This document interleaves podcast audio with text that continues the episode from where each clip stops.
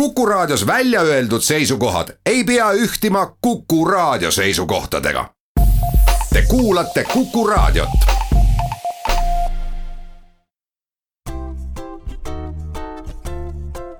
patsiendiminutid, Patsiendiminutid toob teieni Eesti Patsientide Liit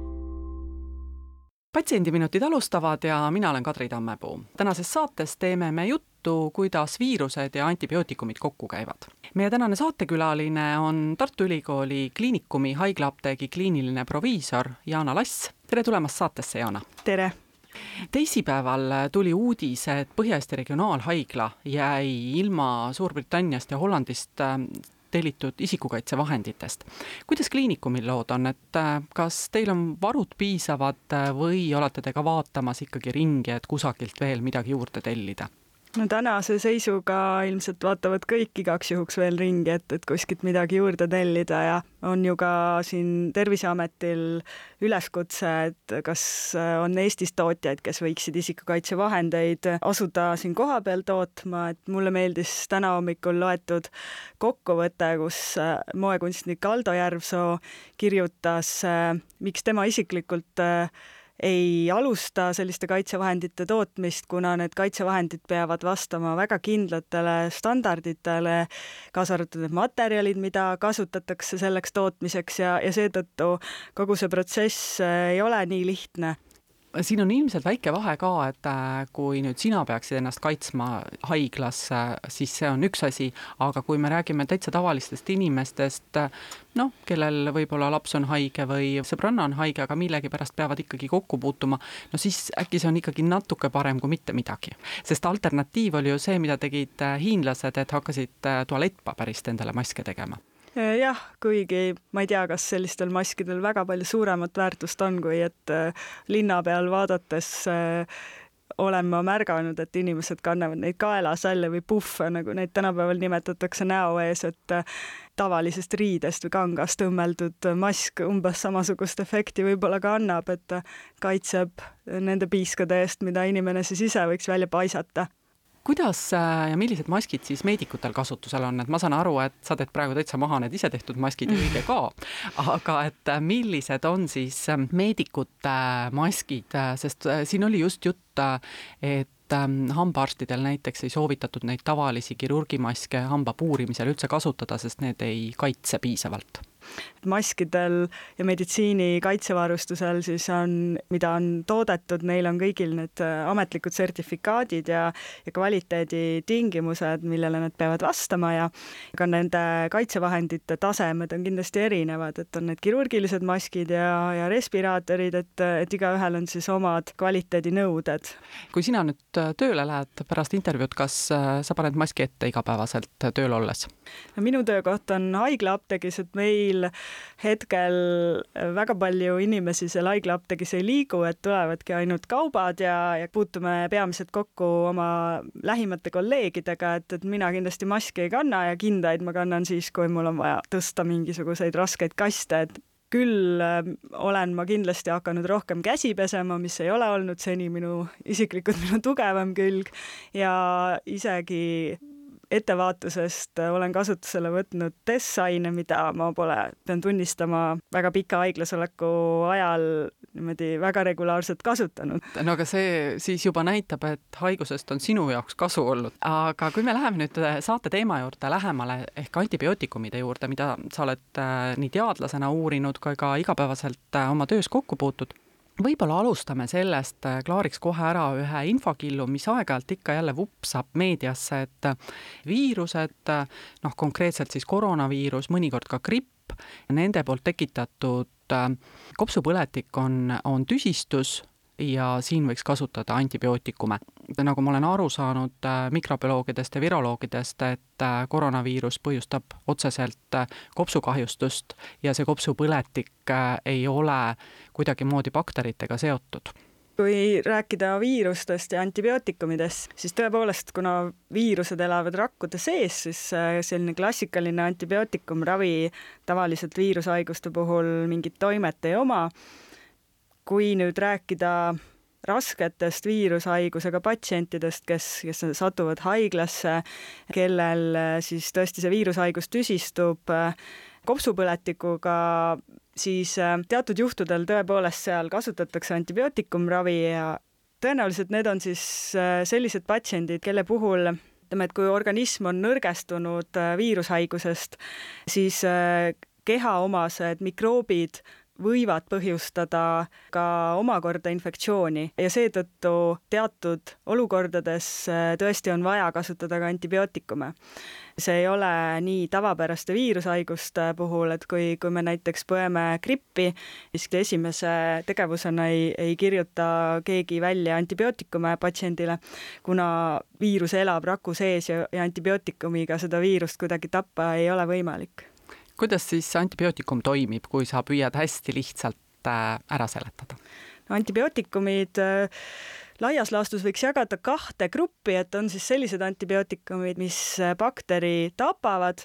ja on sellised antibiootikumid, mis peatavad bakterite paljunemise ja, ja kasvu ja need äh, antibiootikumid, mis siis mõjuvad äh, bakterile surmavalt, on siis sellised, mis, mis näiteks lõhuvad ära bakteriraku seina ja, ja, ja seetõttu ei saa siis see rakk enam edasi areneda ja paljuneda mille vastu antibiootikume siis kasutatakse? tavaliselt tõesti kasutatakse antibiootikume teatud kindlate bakteriaalsete haiguste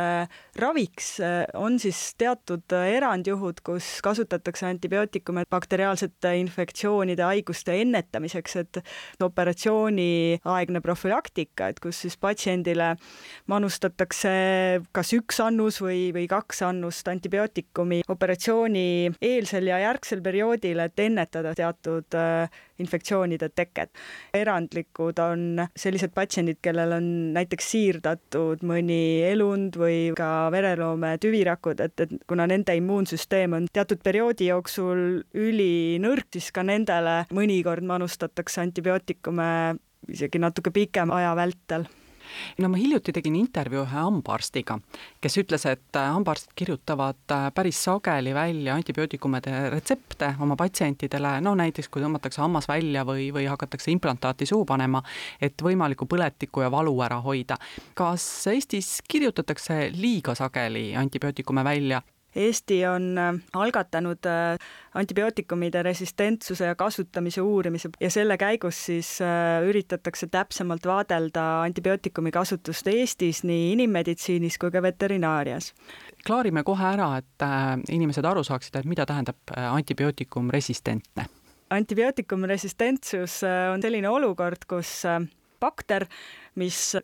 peaks olema kõrvaldatav või tapetav antibiootikumiga, on mingil põhjusel, on muutunud selle antibiootikumi vastu nii-öelda tundetuks, ehk bakter on välja töötanud ja tekitanud mingisugused mehhanismid, millega võidelda siis selle antibiootikumi vastu ja jääda ellu. et tavalised bakterid, mis, mis meil sageli haigusi põhjustavad, muutuvad järjest sagedamini antibiootikumidele resistentseks ja, ja seetõttu kogu seda teemat täpsemalt tänapäeval uuritaksegi peatselt oleme tagasi ja räägime siis antibiootikumide resistentsusest ja nende kasutamisest edasi. patsiendiminutid. patsiendiminutid toob teieni Eesti Patsientide Liit stuudios on proviisor Jaana Lass ja Kadri Tammepuu. me räägime täna antibiootikumidest ja jäime pooleli ühe uuringu juures.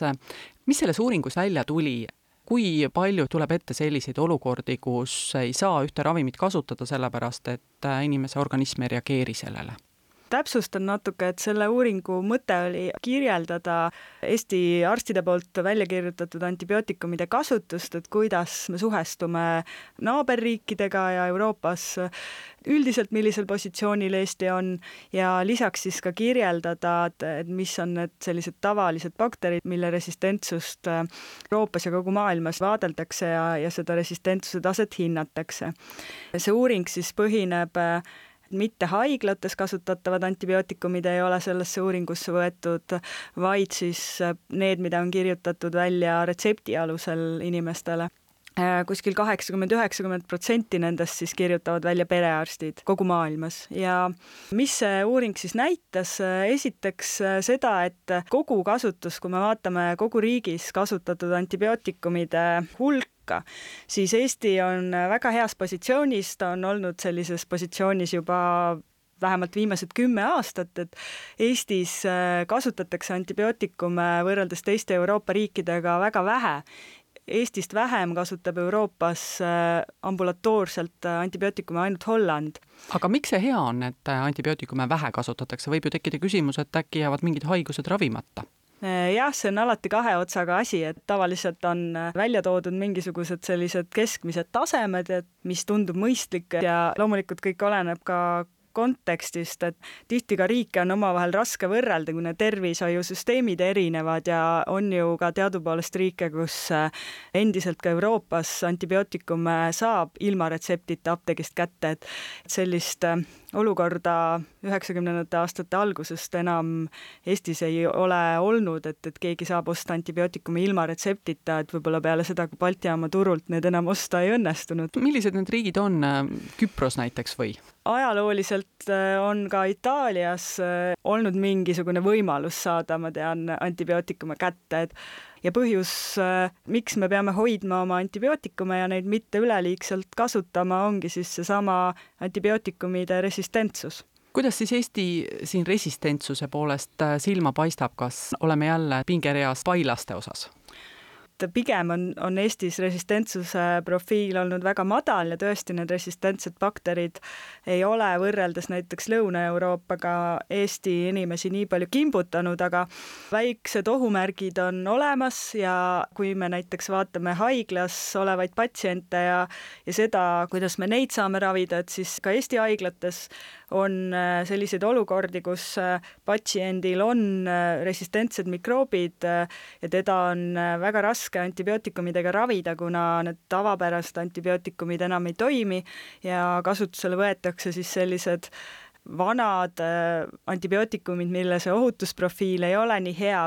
kas ohutusprofiil tähendab rohkem kõrvaltoimeid? Jah, et näiteks siis on, on selline antibiootikum, mida ükski patsient retseptiga kunagi endale õnneks koju ei saa, et eh, on näiteks kolistiin, mis on üks kuuekümnendatel, seitsmekümnendatel kasutatud antibakteriaalne aine, mis põhjustab palju neerukahjustust ja ka kesknärvisüsteemi kõrvaltoimeid, et et aastakümneid siis seda antibiootikumi enam ei kasutatud, kuna ta just on niivõrd kõrvaltoimete rohke. tänapäeval kahjuks siis haiglas on teatud patsiendid, kellel enam teised antibiootikumid ei toimi ja kellel on siis vaja välja võtta need vanad suhteliselt toksilised antibiootikumid. mille poolest Eesti veel silma paistab? kasutame võib-olla mingeid antibiootikume, mida võiks kasutada hoopis teises järjekorras? Jah, et sellega meie tehtud uurimistöö tulemusel tuligi välja just see, et, et Eestis kasutatakse antibiootikume mõistlikult äh, koguste mõttes, et siis kui natukene minna lähemalt detailidesse, et siis sealt äh, selgub, et äh, paranemisruumi veel on. Ja siin me peamiselt võrdlemegi siis ennast Põhjamaade riikidega, kus antibiootikumi kasutus on hästi läbimõeldud. Ja üks selline näide, mille poolest Eesti hakkab silma, on siis näiteks see, et palju me kasutame laiema toimespektriga antibiootikume on siis teatud äh, tavalised põletikulised haigused, kus tegelikult äh, võiks kasutada selliseid lihtsamaid antibiootikume kui see, mis on näiteks meil Eestis äh, esmavalikuks no mis meil on esmavalik, mis võiks olla hoopis tagapool kasutuse poolest? kindlasti torkab silma just selle amoksitsilliini ja klavulaanappe preparaatide suur kasutus, et esmavalikuna Skandinaavia maades kasutatakse palju rohkem tavalist penitsilliini, et see toimespekter ei pea olema nii lai. aga arstid ilmselt just seda soovivadki, et see oleks igaks juhuks hästi lai ja toimiks äh, kindla peale? Äh, jah, siin ongi nüüd see, see dilemma, et, et antibiootikumid kasutamisel kindlasti on, on kõigil palju emotsioone, et, et kui meil on raskemini haige patsient, et siis võiks talle nii-öelda välja kirjutada mõne nii-öelda kangema või laiema toimespektriga antibiootikumi, et ta kindlasti siis paraneb paremini, et tegelikult vastupidi, peaks võimalikult täpselt siis sihtmärgistama õiget ja täpselt toimivat antibiootikumi ja siis hoidma neid laiema spektriga antibiootikume nii-öelda tagavaraks no see on nüüd see koht, kus patsient muidugi ise väga palju teha ei saa, et see on rohkem selline arstide harjumus. aga mida patsient ise teha saab, et see antibiootikumravi ikkagi nüüd äh, päriselt asja ette läheks? kui on tegemist antibiootikumraviga, et, et ja see on välja kirjutatud, siis tuleks hakata seda kohe võtma. kindlasti on, on kõigil inimestel kodus sellised korralikud ravimivarud ja, ja ka antibiootikumidest jäävad tavaliselt järele mingid pakendi lõpud ja, ja mingisugused üksikud tabletid, et ei tohi jagada oma antibiootikume teiste pereliikmetega või, või teiste inimestega, et kõige mõistlikum võib-olla oleks ikkagi kuuri lõppedes, kui jääb järele antibiootikume, siis viia need apteeki nagu teised kasutamata jäänud ravimid ootama jääda, et, et sind tabab täpselt sama bakteriaalne haigus, milleks neid antibiootikume on vaja kasutada, siis äh, see ei ole väga suur, see tõenäosus. Ja ravimid aeguvad ja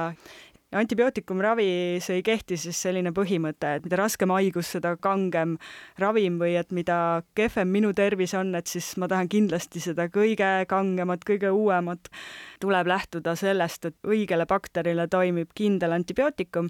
ja liiga laia spektriga antibiootikumid kahjustavad meie enda tervist, ehk siis äh, hävitavad meie enda vajalikke mikroobe rohkem, kui seda teeks äh, täpselt äh, sihitud antibiootikum tihtipeale inimesed arvavad ka nii, et kui nüüd juba tervis on päris hea, no näiteks angiini puhul kurk enam ei valuta, et no milleks siis ikkagi võtta neid antibiootikume edasi, et jätaks ravi katki, sest tegu on ju ikkagi ravimiga, mis on ju mürk. Jah, et, et antibiootikumi kuurid peaks siis ka sööma lõpuni, et tavaliselt need väga pikad ei ole, et tänapäeval keskmiselt selline nädal või, või isegi teatud äh, infektsioonide korral näiteks viis päeva, et see jah, et enesetunne paraneb, see ei tähenda veel, et, et äh, piisav kogus mikroobe on hävitatud ja ja sellised äh, paaripäevased antibiootikumide võtmised aitavad ka kaasa sellele, et, et tekiksid resistentsed mikroobid, et antibiootikum kuuri alguses tapab ära need kõige nõrgemad mikroobid ja, ja sellised natukene tugevamad ja kavalamad on veel elus, nii et, et see, ongi see mõte, miks antibiootikume tavaliselt kirjutatakse välja ravikuurina. kuidas kellaaegadega on, kas äh, antibiootikumide puhul on oluline, et võtta ravimit täpselt äh, õigel kellaajal? Tuleks kinni pidada sellistest äh, umbkaudsetest kellaaegadest, et see ei pea olema sekundi pealt kell kaheksa null null. kui antibiootikumi kirjutatud teile, et võtke seda kolm korda päevas, et, et see ei tähenda siis äh, mitte seda ärkveloleku aega, äh, mille peale see kolm korda tuleks ära jagada, vaid, vaid kindlasti kahekümne nelja tunni peale, et et loomulikult äh, tasub siis sättida need kellaajad nii, et ei pea öösel kell kolm üles tõusma ja seda antibiootikumi võtta, vaid ikka magada oma ööuni ära, aga proovida jah, enam-vähem võrdsete ajavahemike peale kordade arv jagada nii et äh, lihtsad reeglid, äh, millest tasub kinni pidada, sest siis saab ravi parem. aga sellega kahjuks on täna meie saade läbi. soovin, Jana, sulle ja üldse kogu Kliinikumi perele, et oleksite terved, raviksite haigeid ja suur aitäh saatesse tulemast saates oli Tartu Ülikooli Kliinikumi haiglaapteegi kliiniline proviisor Jaana Lass ja täname ka kõiki kuulajaid. küsimusi küsis Kadri Tammepuu, Patsiendiminutid taas järgmisel nädalal ja seniks olgem terved. patsiendiminutid. patsiendiminutid toob teieni Eesti Patsientide Liit